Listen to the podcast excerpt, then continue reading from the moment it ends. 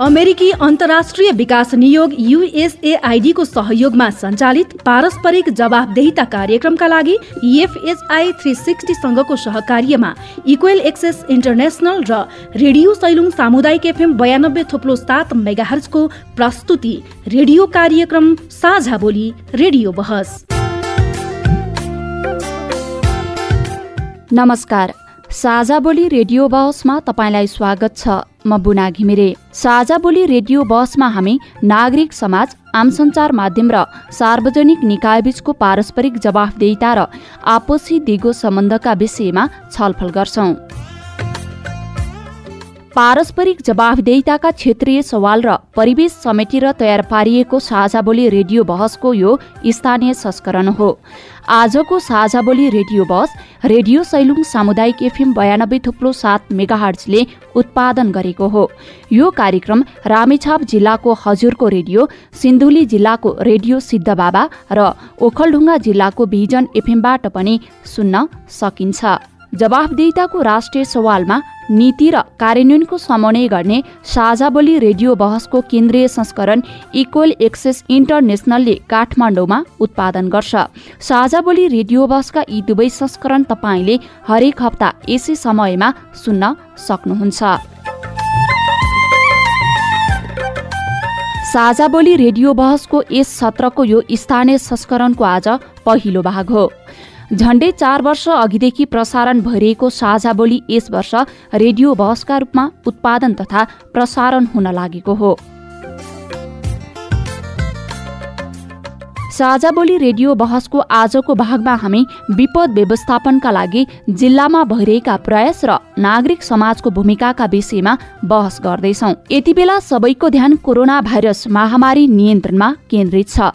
तर यति नै बेला विभिन्न ठाउँमा बाढी पहिरो डुबान जस्ता विपदले समेत जनधनको क्षति गरेको छ। प्राकृतिक विपदका कारण वर्षेनी करिब दुई सय मानिसले ज्यान गुमाइरहेको तथ्याङ्क रहेको छ। पानीको सतह बढ्ने बित्तिकै सूचना दिने साइरन हाम्रो घर नजिकै छ तर पनि कहिले बजेको सुनिँदैन। दानाकोसी जलविद्युत आयोजना आफैले त्यहाँ अलिकति मात्रै पानीको सतह बढ्ने बित्तिकै हामीलाई तुरन्त सूचना गर्छ।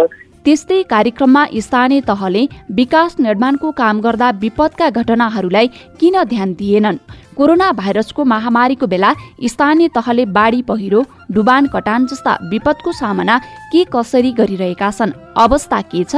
यी विपद समाधानका लागि के कस्ता कामहरू भइरहेका छन्? विपद जोखिम न्यूनीकरण र समस्या समाधानका लागि के कस्ता तयारी तथा कार्यक्रमहरू रहेका छन्? लगायतका विषयमा तपाईँ सिधा प्रश्नको सिधा जवाब पनि सुन्न सक्नुहुन्छ।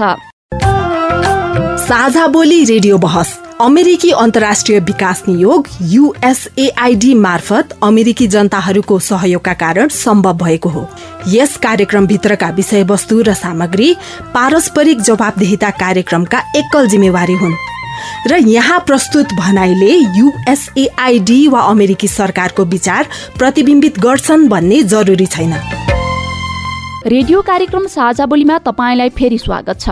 विपद व्यवस्थापनका लागि जिल्लामा भइरहेका प्रयास र नागरिक समाजको भूमिकाको विषयमा कुराकानी गर्नको लागि यतिखेर कार्यक्रममा उपस्थित भइसक्नु भएको छ। जिल्ला विपद व्यवस्थापन समिति दोलखाका संयोजक एवं दोलखाका प्रमुख जिल्ला अधिकारी वासुदेव घिमिरे र हुराडेक नेपाल दोलखाका अध्यक्ष उद्धव प्रसाद पोखरेल। यहाँहरू दुवैजनालाई रेडियो कार्यक्रम साझा बोली रेडियो बसमा हार्दिक स्वागत छ। धन्यवाद अब हामी विषय प्रवेश गर्छौँ। आजको छलफलको विषय हो विपद व्यवस्थापनका लागि जिल्लामा भइरहेका प्रयास र नागरिक समाजको भूमिकाको विषयमा दोलखा र रामेछाप जिल्लाका नागरिकको प्रश्न पनि सुन्नेछौँ। सबैभन्दा पहिला दोलखा जिल्लाका नागरिकको कुरा सुनौँ र त्यसपछि हामी छलफल गरौँ। आज खरो र जानकारीमूलक छलफल हुनेछ। कान थापेर सुन्नुहोला है त। प्रसाद पोखरेल नेपाल सोसाइटी दोलखा जिल्ला शाखाको सभापति। अब मनसुनको सुरु भएको छ प्रकोप सुरु भएको छ। अब नेपाल रेड क्रस सोसाइटीले विगत वर्षमा जस्तै पूर्व तयारी गरिरहेको छ। बाढी र पहिरोको अब सुरु हुन लाग्यो। अब जहाँ जहाँ चाहिँ अब बाढी पहिरोले चाहिँ क्षति गर्छ त्यस्तो ठाउँमा जानको लागि चाहिँ बाटो पनि अवरुद्ध हुने सम्भावनाहरू छ। यी कारणले अलिकति चुनौती हामीलाई छन्। त्यसको लागि चाहिँ म स्थानीय सरकारसँग सबै स्थानीय गाउँपालिका र नगरपालिकाका वडाहरूमा स्थानीय विपद व्यवस्थापन समिति गठन गर्नुभएको होला र त्यो समितिलाई सक्रिय बनाएर कम्तीमा प्रत्येक वडामा चाहिँ दस परिवारको लागि पुग्ने अखाद्य सामग्रीहरूको चाहिँ प्याकेट तयार गरिदिनुको लागि चाहिँ म जिल्ला शाखाको तर्फबाट सम्पूर्ण जनप्रतिनिधिहरूलाई हार्दिक अनुरोध गर्दछु। विशेष गरेर चाहिँ चाहिँ उद्धार गर्ने सामग्रीहरू जनशक्ति छ तर सामग्री छैन। त्यो सामग्रीहरूको व्यवस्थापन पनि स्थानीय सरकारले गर्नुपर्ने हुन्छ। क्षतिको विवरण अनुसार प्रभाव अनुसार चाहिँ उहाँहरूले हामीले राहत सामग्री वितरण गर्नुपर्ने हुन्छ। अब जिल्ला शाखाबाट रेड क्रसले पनि आफ्नो तयारी त गरेको छ। तर स्थानीय तहमै चाहिँ यो विपदको लागि पूर्व तयारी भयो भनेदेखि स्थानीय रूपमा सामग्रीहरू तत्काल दिन सकिन्छ। फर्स्ट एडको ट्रेनिङ सबै वडाहरूमा गर्न सकियो भने विपदमा परेको व्यक्तिहरूलाई उद्धार गर्नको लागि पनि यो फर्स्ट एड ट्रेनिङ व्यक्तिहरूबाट सहज हुने सम्भावना रहन्छ। सुरक्षा निकाय सबै ठाउँमा पुग्नु हुँदैन तर सुनेपछि उहाँहरू त जानुहुन्छ आफ्नो ठाउँमा पुग्नुहुन्छ तर पनि तत्कालको लागि स्थानीय रूपमा नै दक्ष जनशक्ति भयो भने कुनै घटना घटिहाल्यो भने उद्धार गर्नको लागि पनि सहयोग गर्ने मैले देखेको हजुर वासुदेवजी यहाँले नागरिकको कुरा पनि सुनिसक्नु भएको छ। किन यस्तो भयो? खास गरी दोलखा जिल्लामा विपद व्यवस्थापनको लागि प्रमुख चाहिँ संयन्त्र जिल्ला विपद व्यवस्थापन समिति हुन्छ। विपद व्यवस्थापनका सम्पूर्ण क्रियाकलापहरूलाई चाहिँ केन्द्रीय भूमिकामा रहेर परिचालन र व्यवस्थापनका कुराहरू कामहरू गर्दछ त्यो स्थानीय तहलाई अलिकति मोनिटरिङ गर्नु र स्थानीय तहमा यसको व्यवस्थापन गर्नको लागि स्थानीय विपद व्यवस्थापन समिति भन्ने संरचना रहेको हुन्छ हरेक गाउँपालिका अथवा नगरपालिकामा।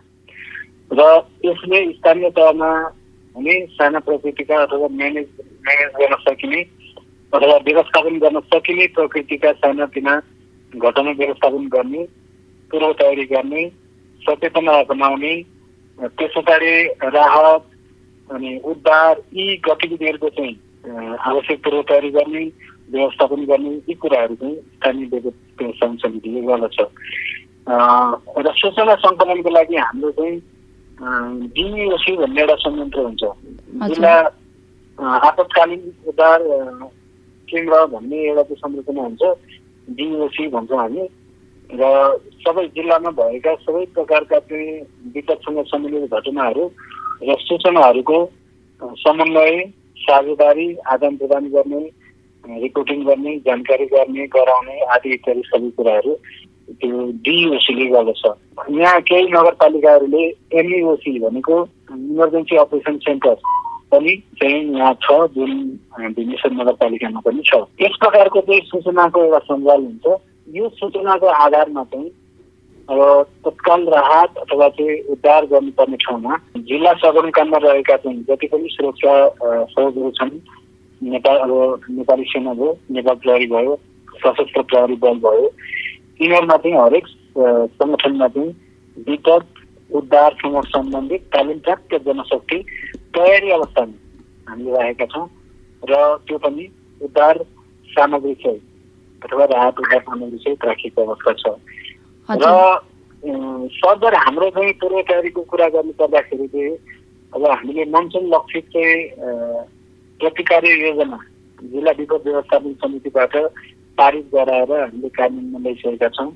त्यो कार्ययोजना दिन चाहिँ अब यो मनसुन र बाढी जन्मिए र बर्खा जन्मिए अथवा बर्खाका जति पनि विपदका घटनाहरू छन् त्यही मनसुन पूर्व तयारी तथा प्रतिकार्य कार्ययोजना बमोजिम चाहिँ हामी सञ्चालन गर्दैछौँ।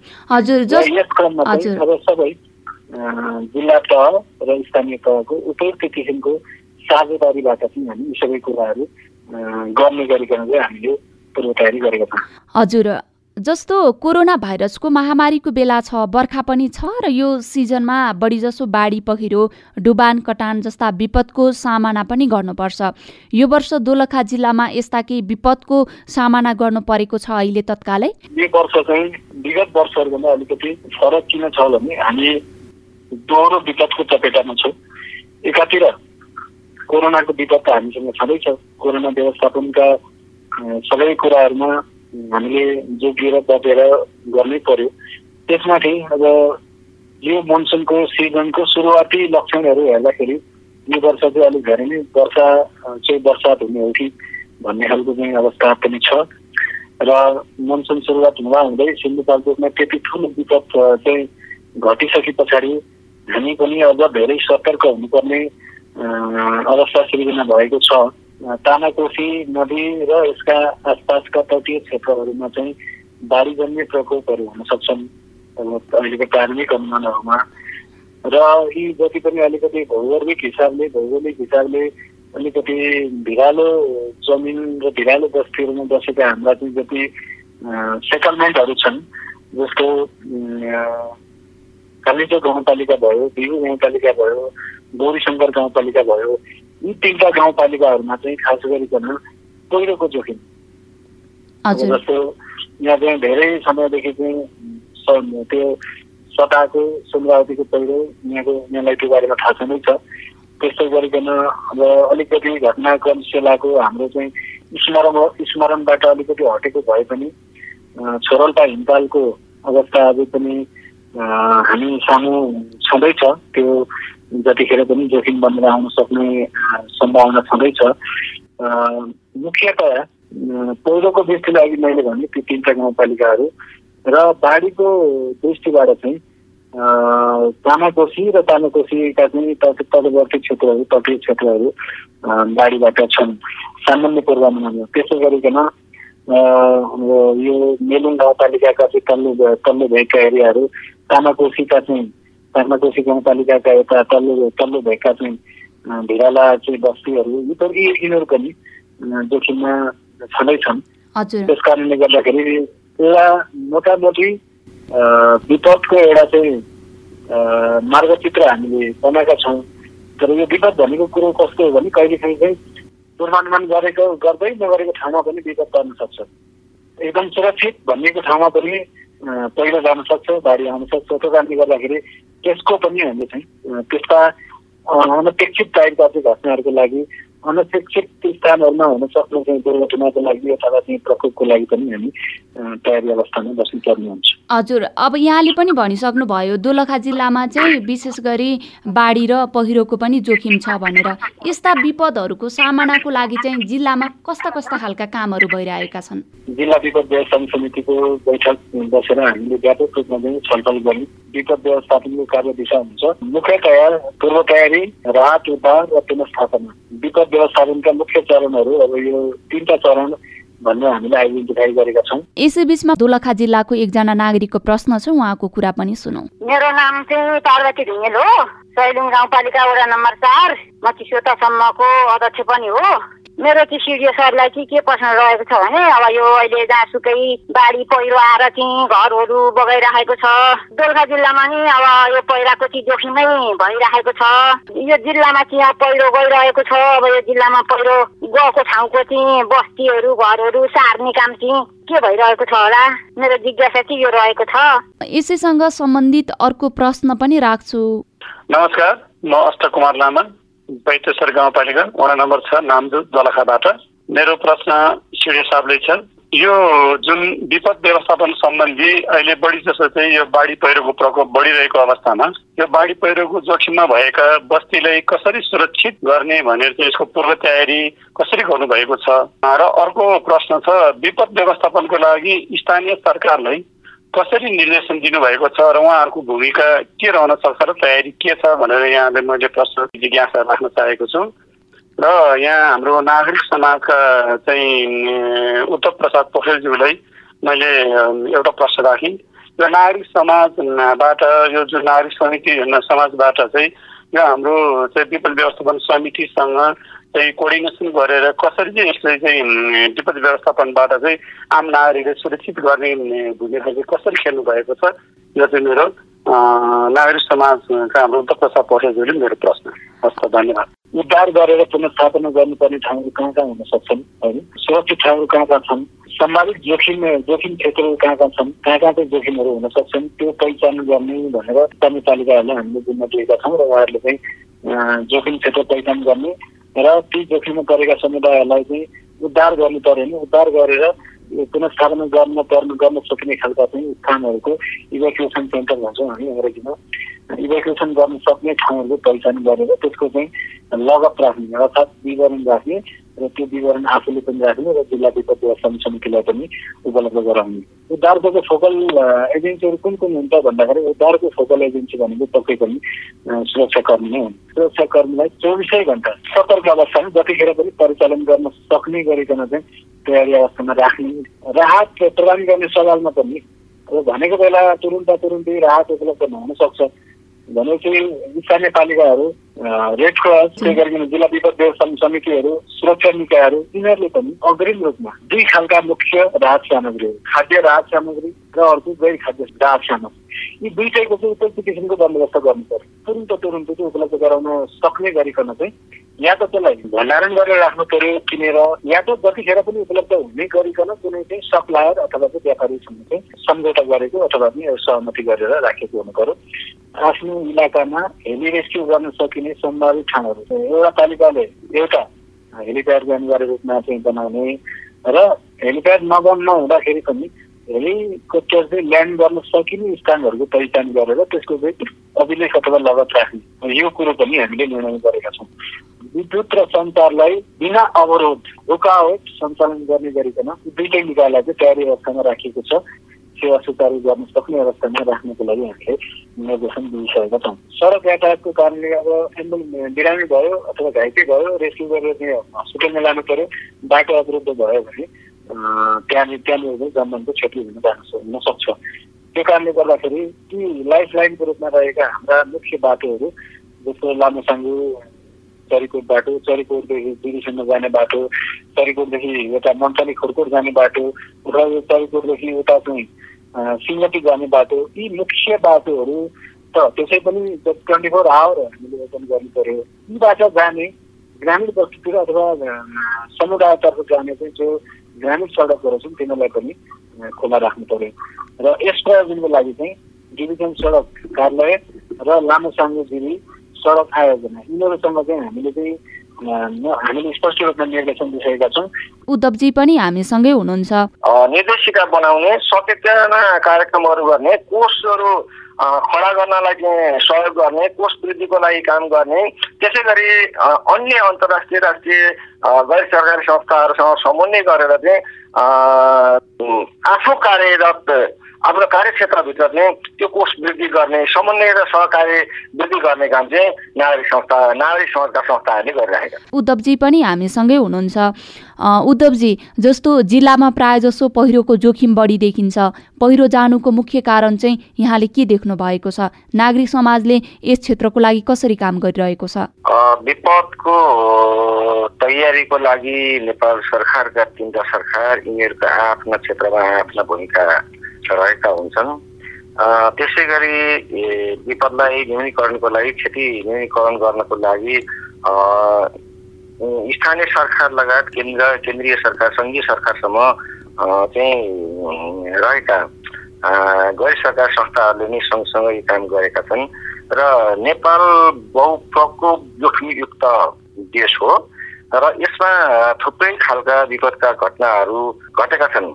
जस्तो बाढी पहिरो आगलागी चट्याङ शीतलहर हिम पहिरो यी जम्मै चाहिँ हवाई दुर्घटना समेत चाहिँ चाहिँ प्रकोप हुन् हाम्रा। विपद जोखिम न्यूनीकरणको क्षेत्रमा काम गर्नको लागि भनेर कानुनी व्यवस्था गरिएको छ। वर्तमान नेपालको संविधानको अनुसूचीमा नै उल्लेख गरेको छ कि नेपालका तिन तहका सरकार छन्। तिनै तहका सरकारको साझा र स्थानीय तहको एकल अधिकारको रूपमा चाहिँ विपद व्यवस्थापनलाई चाहिँ राखिएको छ। स्थानीय सरकारले त्यसरी प्रदेश सरकारले सङ्घीय सरकारले चाहिँ आफ्नो क्षेत्रबाट जसरी काम गर्नुपर्ने हो जति हुनुपर्ने थियो त्यो व्यवस्थापन हुन सकिएको छैन। र कानुनी रूपमा व्यवस्था भए तापनि यसलाई कार्यान्वयनमा लैजाने काममा चाहिँ पछाडि परेको हामीले महसुस गरेका छौँ। दोलखा जिल्लाको एकजना नागरिकको प्रश्न छ उहाँको कुरा पनि सुनौ। नमस्कार मेरो नाम गोमा दाहाल बैकेश्वर गाउँपालिका वडा नम्बर छ नामदो मेरो प्रश्न चाहिँ साहबलाई चाहिँ यो विपद व्यवस्थापन समितिले चाहिँ यी आउने विपदहरूलाई चाहिँ कसरी समाधान गरेको हुन्छ भन्ने खालको एउटा प्रश्न रह्यो।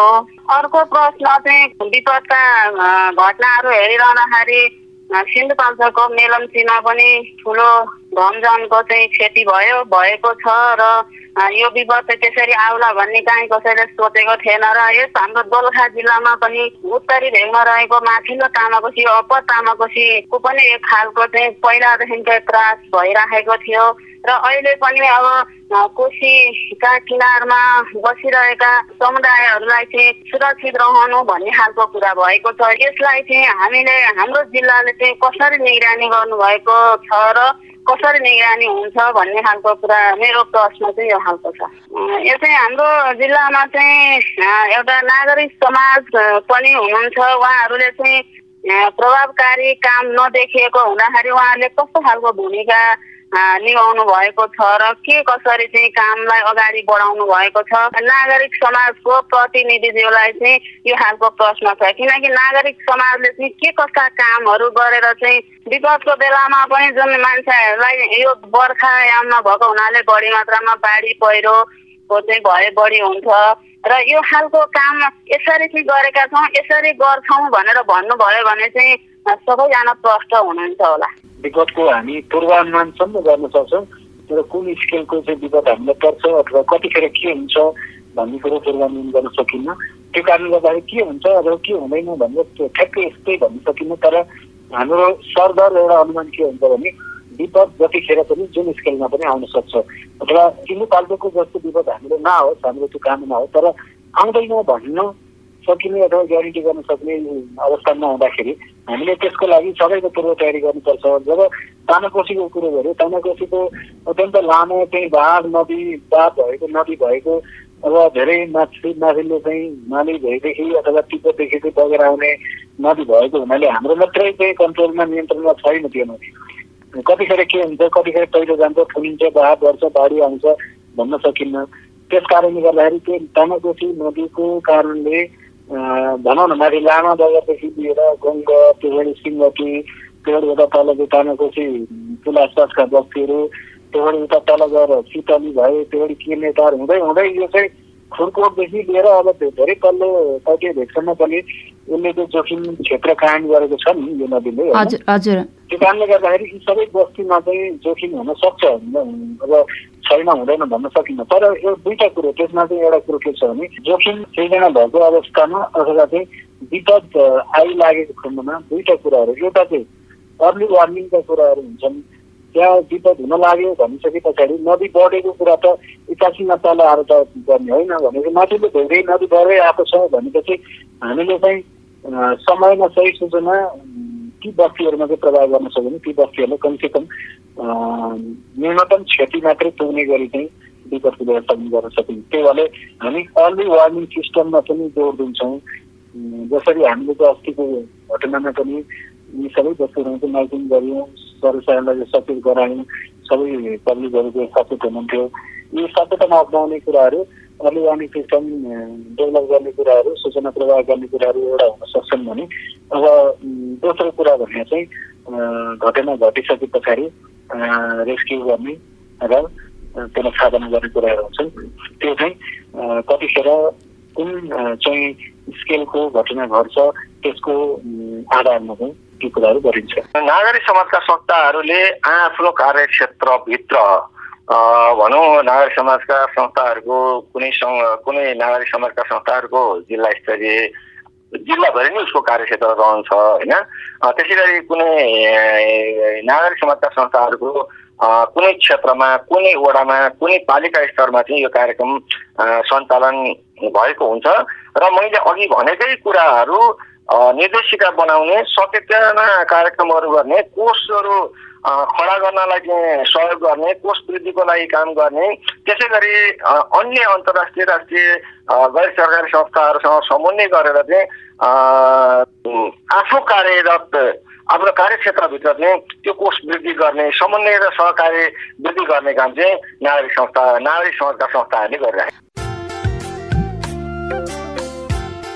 तपाईँ अहिले पारस्परिक जवाफदेता प्रबन्धनका लागि साझा बोली रेडियो बस सुन्दै हुनुहुन्छ।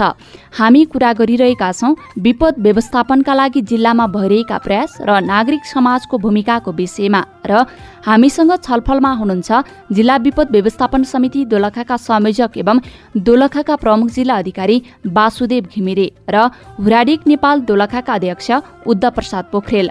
यतिन्जेल हामीले विपद पूर्व तयारीका लागि स्थानीय तहले गर्नुपर्ने पूर्व तयारीका विषयमा उठान गरिसकेका छौँ। साझा बोली रेडियो बसमा अझै हामी विपदको सामना गर्न उद्धार राहतका तयारीका सन्दर्भमा के कसरी समन्वय भइरहेको छ कस्ता कस्ता कुरामा समन्वय भइरहेको छ भन्ने विषयमा घनीभूत रूपमा छलफल गर्नेछौँ। विपत्ति बाजा बजाएर आउँदैन। गर्मीमा आगलागी डढेलो। वर्षामा बाढी पहिरो। भूकम्प कोरोना र अरू पनि। साँच्ची विपदबाट तपाईँ हाम्रो गाउँघर कति सुरक्षित छ? तपाईँको पालिकाले विपद पूर्व तयारी के कति गरेको छ? विपद आइहालेमा उद्धार र प्रतिकार्यको लागि तपाईँको समुदाय तयार छ त? विपद बारेमा तपाईँका यस्तै प्रश्न प्रतिक्रिया टिप्पणी वा गुनासा छन् भने हामीसँग बाँड्नुहोस्। छलफल गरौँ समस्याको हल खोजौँ प्रश्नको जवाफ मागौँ। तपाईँले हामीलाई पैसा नलाग्ने नम्बरमा फोन गरेर आफ्ना कुराहरू भन्न सक्नुहुन्छ। एनसेल प्रयोग गर्नुहुन्छ भने अन्ठानब्बे शून्य पन्ध्र एकहत्तर शून्य उन्तिसमा फोन गर्न सक्नुहुन्छ। एनटिसी प्रयोग गर्नुहुन्छ भने सोह्र साठी शून्य एक शून्य शून्य चार पाँच नौमा फोन गर्न सक्नुहुन्छ। अथवा बोली साझा at the rate Gmail dot com BOLI SAJHA at the rate Gmail dot कममा इमेल गरेर वा मेरो रिपोर्ट र साझा बोलीको फेसबुक युट्युब ट्विटर टिकटक पोस्टहरूमा सेयर लाइक वा कमेन्ट गरेर पनि आफ्ना कुराहरू भन्नु सक्नुहुन्छ। पारस्परिक जवाफदेहिताका लागि प्रश्न सोधौं जवाफ खोजौं। साझा बोली रेडियो बहस। रेडियो कार्यक्रम साझा बोली रेडियो बसमा तपाईँ अहिले विपद व्यवस्थापनका लागि जिल्लामा भइरहेका प्रयास र नागरिक समाजको भूमिकाको विषयमा सवाल जवाफ सुन्दै हुनुहुन्छ। बसमा अतिथि हुनुहुन्छ जिल्ला विपद व्यवस्थापन समितिका संयोजक एवं दोलखाका प्रमुख जिल्ला अधिकारी वासुदेव घिमिरे र हुराडिक नेपाल दोलखाका अध्यक्ष उद्धव प्रसाद पोखरेल। यसअघि हामीले जिल्लामा विपदका घटना न्यूनीकरण गर्न पूर्व तयारी के के भइरहेका छन् यसमा स्थानीय तहले नीतिगत व्यवस्थालाई कसरी अगाडि बढाउन सक्छन् स्थानीय तहको विकाससँगै विनाशलाई कम गर्न नीति नियम बनाउँदै अगाडि बढ्नुपर्छ भनेर छलफल गरिसकेका छौँ। र स्थानीय तहले जिल्लामा कुनै विपद आइपरि राहत खोज उद्धारका लागि तयारी अवस्थामा रहनुपर्छ भन्ने निष्कर्षमा हामी पुगेका छौँ। तर अझै पनि नदी किनारमा भएका बस्तीलाई स्थानान्तरणका लागि दीर्घकालीन योजना कसरी बनाउन सकिन्छ भन्ने विषय अनुत्तरित नै छन्। मेरो नाम निर्माण माझी मेरो घर रानी छाप मन्थली नगरपालिका वडा नम्बर सात मुगिटा ठेडी खोला माझी गाउँ। अब रामेछाप पनि अत्यन्तै जोखिमको दायराभित्र पर्छ होइन? दोलखाले जो यो जोखिम बाढी आउँदाखेरि हाम्रो रामेछापका जोखिमवासीहरूलाई कसरी अग्रिम सूचना हुन्छ? यो अग्रिम सूचना हुने वातावरण हुनु पर्यो गरिदिनु पर्यो नमस्कार म बोहरा अङ्कल मन्थली नगरपालिका एघार रामेछाप मलाई दोलखा जिल्लाको जिल्ला प्रशासन प्रमुख श्री साहबलाई यो प्रश्न छ कि तामाकोसी बढेर आयो भने मन्थली पूर्ण रूपमा डुबान हुन सक्छ मन्थली मात्रै नभएर रामेछापका धेरै भूभागहरू खिम्ती मिल्टी तेलेघाट हुँदै धेरै भूभागहरू डुबान पर्न सक्छन्। यसमा चाहिँ उहाँहरूले पूर्व जानकारी दिने तयारी के छ त? चाइनाबाट आउने जुन दुनियाँको कोसी एक्कासी आयो सौरोपा हिमताल फुट्यो भने दोलखा जिल्ला प्रशासन प्रमुखले हामीलाई कसरी जानकारी दिन सक्नुहुनेछ? मेरो जिज्ञासा यो प्रश्न पनि यहाँले सुनिसक्नु भएको छ। रानीसाबको सिधै दार्जिलिङ हामी प्रत्यक्ष सम्पर्क नै रहन्छौँ। अब यो बर्खाको बेलामा त हाम्रो नियमित ढङ्गको चाहिँ टेलिफोनमा चाहिँ झन्डै झन्डै डेली अथवा फ्रिक्वेन्टली रिपोर्टिङ भइरहन्छ उहाँले यतापट्टिको कुराहरू बुझ्नुहुन्छ मैले उताको कुराहरू बुझ्छु त्यही हिसाबले राम्रै चापसँग सूचना प्रवाह गर्न र सूचना आदान प्रदान गर्न कुनै पनि किसिमको समस्या छैन रामेछाप कम्पेरिटिभली सेक्युर जन्मै पर्छ किनभने उसले तयारीको मौका पाउँछ नि जति तयारीको मौका चाहिँ सिङ्गटीले पाउँछ त्योभन्दा त धेरै नै तयारीको मौका रामेछापले पाउँछ नि यदि नदीमा चाहिँ प्रभाव बढ्यो बाढीको खतरा सृजना भयो भनेपछि रामेछाप कम्पेरिटिभली दोलखाभन्दा सुरक्षित जिल्लामा पर्छ त्यसैले रामेछापले त्यति धेरै हात पर्दैन। मेरो नाम शुक्रबहादुर माझी रामेछाप जिल्ला यहाँ मन्थली नगरपालिका वार्ड नम्बर सात। विशेष गरी अब हाम्रो यहाँ ठुलो समस्या चाहिँ अलिकति जनचेतना कमी छ। अब विशेष गरी जो कोसीको आसपास बस्नुहुन्छ त्यसमा पनि विशेष गरी माझीहरू अलि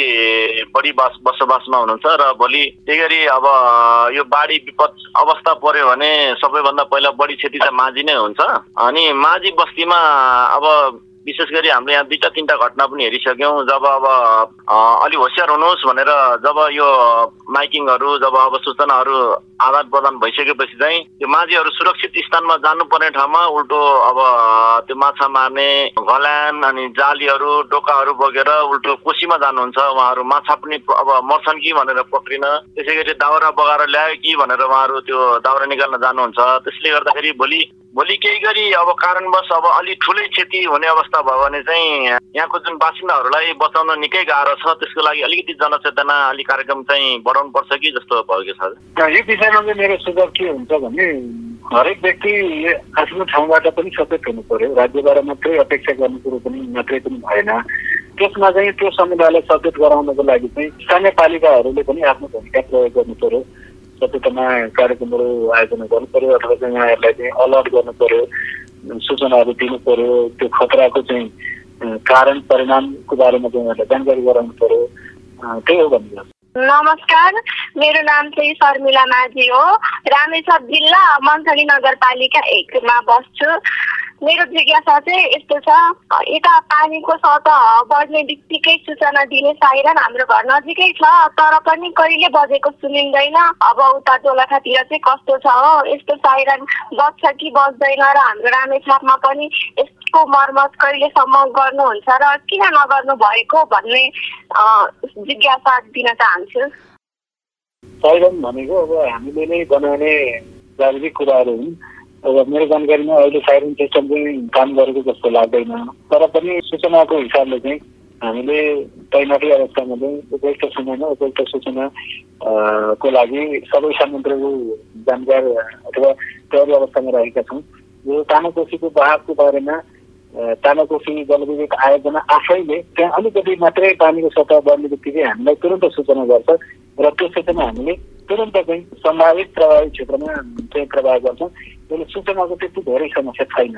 विपद जोखिम न्यूनीकरण र समस्या समाधानका लागि के कस्ता तयारी तथा तत्कालीन एवं दीर्घकालीन कार्यक्रमहरू छन् यहाँहरूसँग? र अहिले तत्काललाई चाहिँ दीर्घकालीन योजनाहरू चाहिँ खासै केही छैन।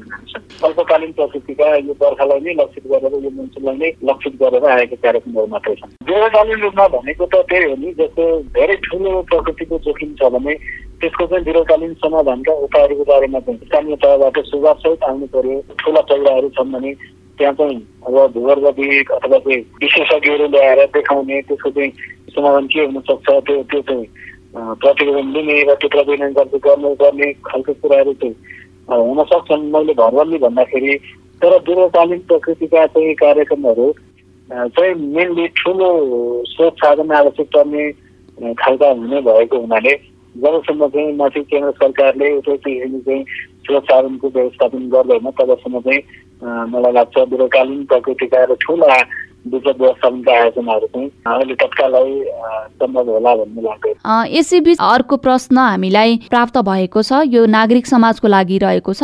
नमस्ते म चाहिँ ज्ञानेन्द्र बानिया यता दोलखाको लामी डाँडाबाट मेरो प्रश्न विपद जोखिम आउनुभन्दा अगाडि र विपद जोखिम पश्चात हामी विद्यार्थी युवाहरूको चाहिँ के कस्तो भूमिका रहन्छ मेरो प्रश्न चाहिँ नागरिक समाजलाई रहेको छ स्थानीय सरकारको आवश्यकतालाई परिपूर्ति गर्नको लागि नागरिक समाजले सहयोग गर्छ भन्ने कुरो बुझ्नु पर्यो एउटा कुरो अर्को कुरो स्थानीय सरकारले गरेका कामलाई सहयोग गर्ने हो भने त्यसमा युवा र विद्यार्थीहरूको भूमिका समुदाय स्तरमा चाहिँ पूर्व सचेतना सूचना प्रणालीको बारेमा जानकारी गराउनु पर्यो। समुदाय स्तरमा चाहिँ दैव प्रकोप पूर्व तयारीको सम्बन्धमा क्षमता अभिवृद्धिका कामहरू गर्नु पर्यो। त्यसै गरी खोज उद्धारका काम गर्नु काहीँ दुर्घटना घटना घट्यो भने प्रकोप पर्यो भने सबभन्दा पहिलो भनेको चाहिँ स्थानीय समुदाय नै दुनै तदारुकता देखाउनु पर्ने हुन्छ। उनीहरूको भूमिका महत्त्वपूर्ण रहन सक्छ। युवाहरूलाई विद्यार्थीहरूलाई चाहिँ उनीहरूको क्षमता अभिवृद्धि गर्दा यसलाई कार्यान्वयनमा जान सकियो भने बढीभन्दा बढी प्रकोपबाट पीडित भएका व्यक्तिहरूले तत्काल लाभ लिन सक्छन्। वर्षायाम सुरु भएपछि तामाकोसी नदी किनारमा अवैध रूपमा चाहिँ बस्ती बसेका छन्। ती बस्तीहरूको दीर्घकालीन रूपमा चाहिँ स्थानान्तरण गर्ने त्यस्तो कुनै योजनाहरू यहाँहरूले बनाउनु भएको छैन? बस्ती अब सार्वजनिक जग्गाहरू अतिक्रमण गरेर बनेका बस्तीहरू त खाली गर्ने सरकारको चाहिँ कार्यक्रमै छ। त्यो बाहेक अब निजी जग्गामा बनेका निजी निजी सम्पत्तिमा बनेका बस्तीहरू अथवा घर घरहरूलाई हटाउनको लागि चाहिँ अब जोखिमलाई हेरेर मलाई लाग्दैन अब यो यो वर्ष अथवा यो मनसुनभन्दा अगाडि हामी त्यो गर्न सक्छौँ भन्ने लाग्दैन। तर आगामी दिनहरूमा त्यो पनि एउटा एउटा कार्ययोजना हुनसक्छ जस्तो कोरोना भाइरस र अन्य विपदको सामना सँगसँगै गर्नुपर्दा स्थानीय तह जिल्ला विपद व्यवस्थापन समितिलाई कस्ता कस्ता खालका चुनौतीहरू रहेका छन्? चुनौतीहरूको सामना गर्नको लागि चाहिँ के कामहरू भइरहेका छन्? मुख्यतया अब त्यही हो राहत र उचित काममा अलिकति समस्या हुनसक्छ उद्धारकर्मीलाई चाहिँ पूर्ण रूपमा स्वास्थ्य सुरक्षाका उपायहरू अवलम्बन गरेर जानुपर्ने हुँदाखेरि प्रभावकारी त होइन तर पनि सामान्य अवस्थामा जति प्रभावकारी हुन सक्थ्यो उद्धारको काम अलिकति कम प्रभावकारी अथवा चाहिँ अलिकति टाइम समय लिने खालको अथवा अलिक धेरै चाहिने कोही नर्मलभन्दा चाहिँ अलिक बढी चाहिँ जनशक्ति पाउने किसिमको चाहिँ अवस्था सृजना भएको छ। यता उद्धारका उपकरण सँगसँगै हामीले चाहिँ स्वास्थ्य सुरक्षाका सामग्रीहरूको पनि बन्दोबस्त गरेर मात्र परिचालन गर्नुपर्ने भावनाले स्रोत साधन समयका दृष्टिले अलिकति खर्चिलो अलिकति बढी समय लाग्ने किसिमको व्यवस्था छ। तथापि अब हामीसँग अरू विकल्प छैन। विपद परिसके पछाडि कोरोना छ अथवा चाहिँ पेन्डेमिक डिजिज छ भन्ने कारणले चाहिँ विपदको उद्धारमा अथवा राहतमा चाहिँ परिचालित नहुने भन्ने प्रश्न नै आउँदैन। जति छ चुनौतीपूर्ण छ तर गर्नै पर्ने अवस्था हुनाले त्यो जसरी पनि गरिन्छ त्यसमा अरू अप्सनै छैन हामी। साझा बोली रेडियो बहसमा अहिले हामी कुरा गरिरहेका छौँ विपद व्यवस्थापनका लागि जिल्लामा भइरहेका प्रयास र नागरिक समाजको भूमिकाका विषयमा र हामीसँग छलफलमा हुनुहुन्छ जिल्ला विपद व्यवस्थापन समिति दोलखाका संयोजक एवं दोलखाका प्रमुख जिल्ला अधिकारी वासुदेव घिमिरे र हुराडिक नेपाल दोलखाका अध्यक्ष उद्धव प्रसाद पोखरेल। यतिन्जेल हामीले वर्षेनी भोग्नुपर्ने विपदको सामना गर्न यसको जोखिम न्यूनीकरण गर्न पहिले नै जोखिमयुक्त ठाउँको पहिचान गर्ने जोखिमको बारेमा नागरिकलाई जानकारी गराउने प्रभावकारी प्रतिकार योजना बनाउने र त्यसको प्रभावकारी कार्यान्वयनका लागि बनाउने गर्नुपर्छ। न कि विपद आइसकेपछि मात्रै त्यसतर्फ ध्यान दिने होइन। स्थानीय तहको प्रमुखको अध्यक्षतामा बढीमा पन्ध्र सदस्यीय स्थानीय विपद व्यवस्थापन समिति हुन्छ। विपद भन्ने कुरा जतिखेर नि आउन सक्छ त्यसैले पूर्व तयारी योजना स्थानीय तहसँग हुनुपर्छ। पूर्व तयारी योजनाहरू भए भइपरि आउने यस्ता विपदको जोखिमलाई कम गर्न सकिन्छ र यसका लागि स्थानीय तहसँग विभिन्न सरकारवाला निकाय सङ्घ संस्था स्थानीय नागरिकहरू मिलेर काम गर्नुपर्छ भन्ने विषयमा सहमत भएका छौँ।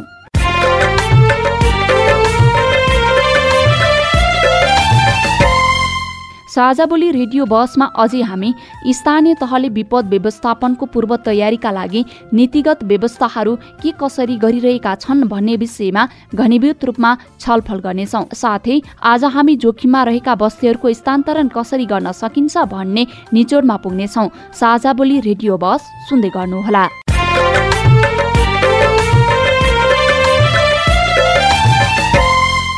तपाईँ अहिले पारस्परिक जवाफदेहिता प्रबन्धनका लागि साझा बोली रेडियो बस सुन्दै हुनुहुन्छ। हामी आज विपद व्यवस्थापनका लागि जिल्लामा भइरहेका प्रयास र नागरिक समाजको भूमिकाका विषयमा सवाल जवाफ गरिरहेका छौँ। बसमा अतिथि हुनुहुन्छ जिल्ला विपद व्यवस्थापन समिति दोलखाका संयोजक एवं दोलखाका प्रमुख जिल्ला अधिकारी वासुदेव घिमिरे र हुराडिक नेपाल दोलखाका अध्यक्ष उद्धव प्रसाद पोखरेल यसअघि हामीले जिल्लामा विपद पूर्व तयारीको अवस्था कस्तो छ राहत र खोज उद्धारको तयारीको अवस्था कस्तो छ भन्ने विषयमा छलफल गर्यौं तर अब स्थानीय तहमा विपद व्यवस्थापनका लागि स्थानीय तहका नीतिगत व्यवस्थाहरू के के छन्? विपद व्यवस्थापनका लागि स्थानीय तहले बजेट निर्माण गर्दा कतिको ध्यान दिने गरेको छ भन्ने विषयमा छलफल गर्नेछौ। कालेटो गाउँपालिका वडा नम्बर एक कर्नहरू थाल्ने हाम्रो पनि यहाँ धेरै ठाउँ ठाउँमै पहिरो गएर अनि यसलाई कसरी यो विपदलाई चाहिँ व्यवस्थापन गर्ने भनेर सिडिओ साहबलाई पनि को यो छ जानु पाएको भएर अनि हाम्रो अनुगमनमा आउनु पाएको भएर राम्रो हुन्थ्यो। हामीले पनि अलि सहायता पाइन्थ्यो भनेर मेरो गुनासो यो छ।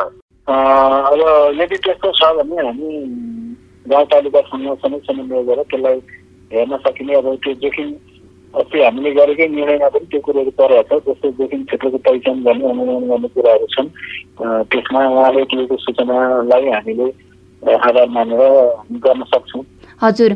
जिल हजुर। जिल्लामा यहाँहरूले विभिन्न निर्णय पनि गरिसक्नु भएको छ। विपद जोखिम न्यूनीकरण र समस्या समाधानका लागि चाहिँ के कस्ता तयारी तथा त्यस्तो खास दीर्घकालीन कार्यक्रमहरू छन् अहिले तत्कालै? मैले अघि नै भने जति पनि यो यो वर्षको चाहिँ मनसुन र मनसुनको कारणले आउन सक्ने चाहिँ विपदहरूको जोखिम न्यूनीकरण गर्नको लागि हामीले गरेका पूर्व तयारीहरू निर्णयहरू र हाम्रा कार्ययोजनाहरू मैले तपाईँलाई सुनाइसकेँ सबै कुराहरू त्यहीबाट निर्देशित निर्देशित छन् र अहिले तत्काललाई चाहिँ दीर्घकालीन योजनाहरू चाहिँ खासै केही छैन अल्पकालीन प्रकृतिका यो बर्खालाई नै लक्षित गरेर यो मनसुनलाई नै लक्षित गरेर आएको कार्यक्रमहरू मात्रै विपद आइहाल्यो भनेदेखि चाहिँ नागरिक समाजले स्थानीय तहहरूसँग समन्वय गर्ने त्यस्तो अहिले तत्कालीन केही कामहरू गरेको छ? यो कुरामा नीति निर्माणका तहमा केही कामहरू सुरु भएका छैनन् भन्नु अन्याय हुन्छ।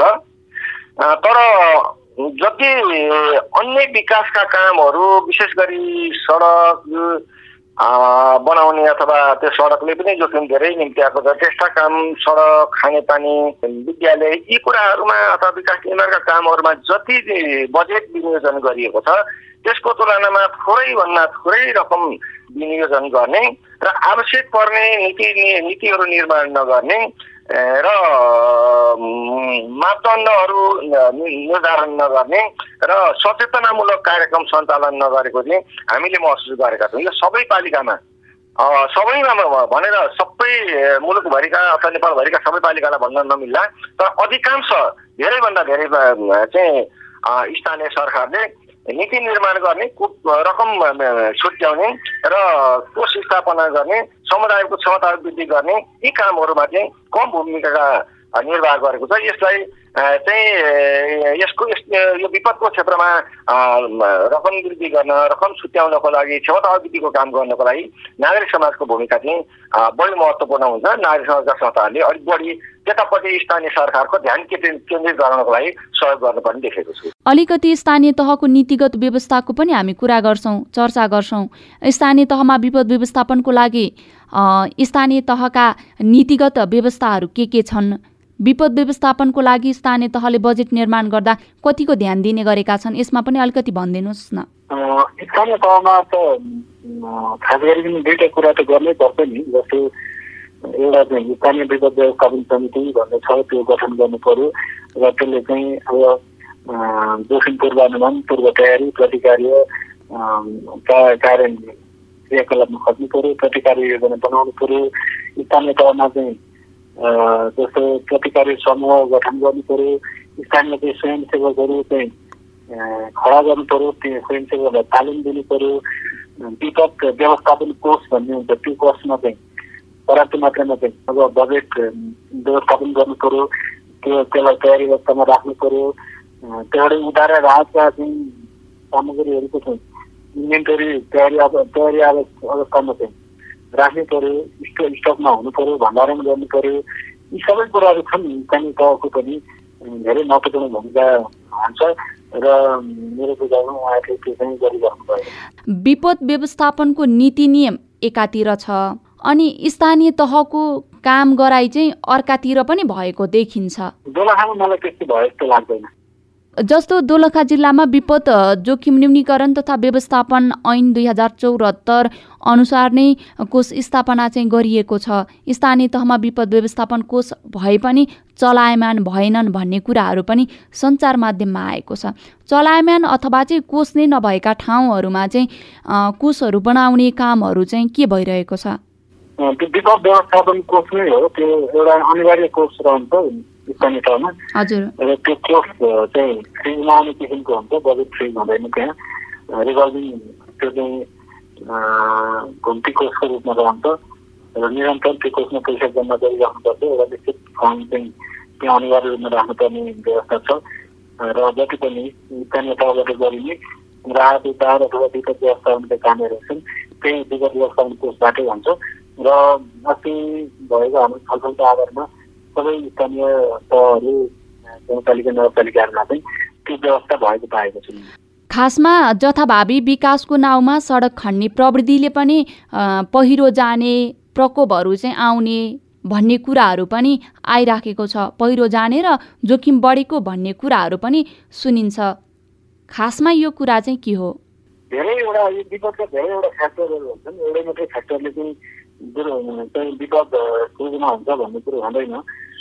तथापि अब हामी अनुमान गर्न सक्छौँ त्यो विभिन्न चाहिँ पक्षहरूमध्ये विभिन्न फ्याक्टरहरूमध्ये जताततै चाहिँ अव्यवस्थित ढङ्गले खनिएका कति बाटोहरू पनि कहिलेकाहीँ तिनीहरूको कारणले पनि जोखिमले सृजना भएको हुनसक्छ तर त्यही कारणले चाहिँ जोखिम सृजना भयो अथवा चाहिँ विपद आयो भन्ने कुरा छुट्याउँदै गर्न सकिन्न। हजुर। अहिले तत्कालको हाम्रो चाहिँ प्राथमिकता भनेको यो आउँदै गरेको विपद विपद र आउन सक्ने विपदको जोखिमबाट हाम्रो समुदाय हाम्रा चाहिँ जिल्लावासीलाई कसरी जोगाउने भन्ने नै चाहिँ विषयमा हामी मेन रूपमा केन्द्रित छौँ।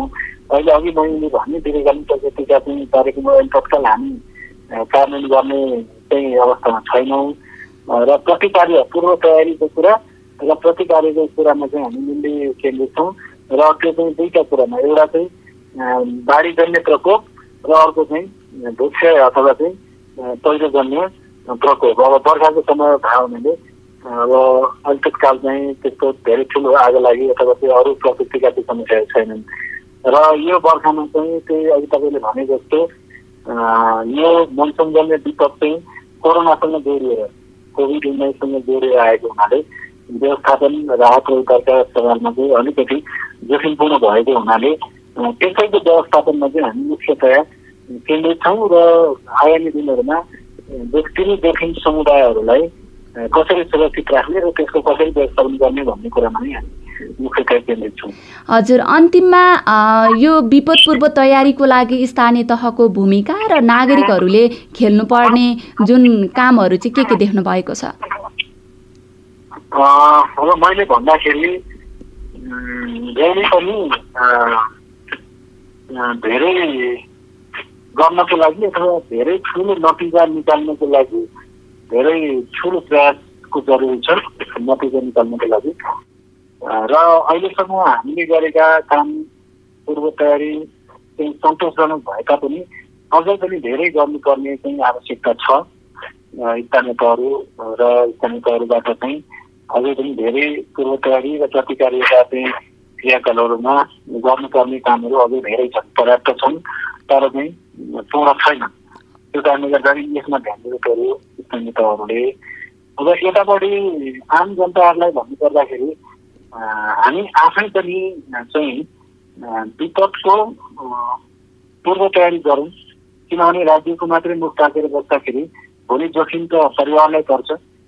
परिवारले जब जोखिम पर्छ त्यो महँगो हुन जान्छ। कुनै परिवारका सदस्यले गुमाउनु पर्दा अथवा आफ्नो चाहिँ खेती बाली नाली चाहिँ गुमाउनु पर्दा अथवा आफ्ना घरहरू गुमाउनु पर्दा त्यो क्षति अत्यन्त चाहिँ असह्य हुन्छ। हामी त्यो कल्पनाभन्दा बाहिरको अवस्था चाहिँ सृजना हुन जान्छ। त्यो कारणले गर्दाखेरि प्रत्येक व्यक्ति यथास्थानबाट विपदको बारेमा जानकार हुनु आवश्यक छ। आवश्यक पूर्व तयारी गर्नु आवश्यक छ। जोखिमयुक्त ठाउँमा छ भने त्यो त्यसको चाहिँ मूल्याङ्कन गर्ने अथवा चाहिँ त्यसको चाहिँ पूर्वानुमान गर्ने पहिलो दायित्व व्यक्तिकै बन्छ। जस्तो पहिलोको दिनमा घर छ भने त्यस्तो घरमा बस्दिनु भएन होइन? अथवा पहिलोको जोखिममा कुनै चाहिँ सानो सेटलमेन्ट छ अथवा बस्ती छ भने त्यस्तो बस्तीलाई बर्खाको टाइममा चाहिँ अब पुनस्थापित आफै पुनस्थापित हुने अथवा सिफ्ट हुने त्यस्ता खालका कुराहरू हुन सक्छन्। र अहिले चाहिँ हाम्रो यो सूचना प्रणाली पनि छ नेपाल सरकारले चाहिँ बुलेटिनहरू पनि प्रकाशित गरिरहेको हुन्छ पत्र पत्रिकाहरू त्यो कुराहरू आइरहेको हुन्छन्। कहाँ कुन एरियामा चाहिँ बाढीको खतरा छ कुन चाहिँ पानी पर्छ कुन एरियामा बढी पानी पर्छ त्यो कुराहरू चाहिँ सार्वजनिकरण पनि भइरहेको हुन्छन्। हामी हामीले पनि जिल्ला प्रशासन कार्यालयबाट चाहिँ त्यस्ता खालका बुलेटिनहरू अथवा सूचनाहरू यदि आवश्यक भएन त्यो प्रसारण गरिरहेका हुन्छौँ प्रकाशन गरिरहेका हुन्छौँ। आवश्यक सूचनाहरूमा पनि ध्यान दिएर आफू पनि सचेत हुनु पर्यो र सूचनाहरूको चाहिँ विश्लेषण आफूले पनि गर्नु पर्यो। व्यक्ति आफै पनि सचेत हुनु पर्यो। खास गरिकन पहिरोको जोखिमयुक्त क्षेत्रमा हुनुहुने हाम्रा जिल्लावासी दाजुभाइ दिदीबहिनीहरू र नदीको तटवर्ती क्षेत्रमा हुने बस्न हुने चाहिँ दाजुभाइ दिदीबहिनीहरूलाई आफ्नो ठाउँबाट पनि विशेष प्रकारको सतर्कता अप्नाउनको लागि पनि अनुरोध गर्दछु। इनकेस कतै केही भइहाले भइहालेको अवस्थामा यहाँहरूको चाहिँ उद्धार गर्न राहत दिनको लागि फेरि हामी सबैले तत्पर छौँ तयार छौँ। भन्ने कुरो पनि तपाईँको रेडियोबाटै म अनुरोध गर्न चाहन्छु। साझा बोली रेडियो बसमा अहिले हामी कुरा गरिरहेका छौँ विपद व्यवस्थापनका लागि जिल्लामा भइरहेका प्रयास र नागरिक समाजको भूमिकाका विषयमा र हामीसँग छलफलमा हुनुहुन्छ जिल्ला विपद व्यवस्थापन समिति दोलखाका संयोजक एवं दोलखाका प्रमुख जिल्ला अधिकारी वासुदेव घिमिरे र हुराडेक नेपाल दोलखाका अध्यक्ष उद्धव प्रसाद पोखरेल।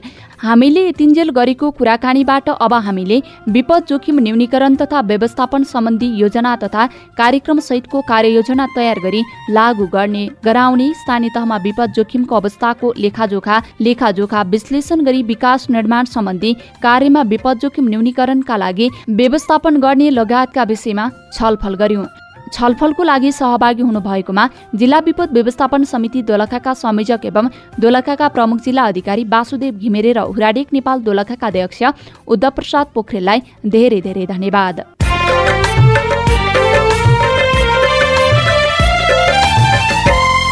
अब भने साताको प्रश्नको पालो रहेको छ। प्रश्न टिप्न तयार हुनु है त यो साताका लागि प्रश्न रहेको छ स्थानीय तहमा स्थानीय तहको प्रमुखको अध्यक्षतामा कति सदस्यीय स्थानीय विपद व्यवस्थापन समिति गठन गरिएको हुन्छ। दस पन्ध्र। तपाईँलाई लागेको सही उत्तर छानी अन्ठानब्बे चौवालिस छयालिस बयानब्बे साठी नम्बरमा पठाउनुहोला। तपाईँले पठाउनु भएको उत्तर मध्ये सही उत्तर पठाउने विजेता श्रोताको नाम भने हामी साझा बोली रेडियो बहसमा भन्नेछौ र विजयी साथीलाई उपहार स्वरूप हामी तपाईँले एसएमएस गर्नुभएकै नम्बरमा एक सय रुपियाँ बराबरको रिचार्ज कार्ड प्रदान गर्नेछौ। त्यसैले आफ्नो नाम ठेगानासहित कार्यक्रम सुनिसकेपछि एसएमएस गरिहाल्नुहोला।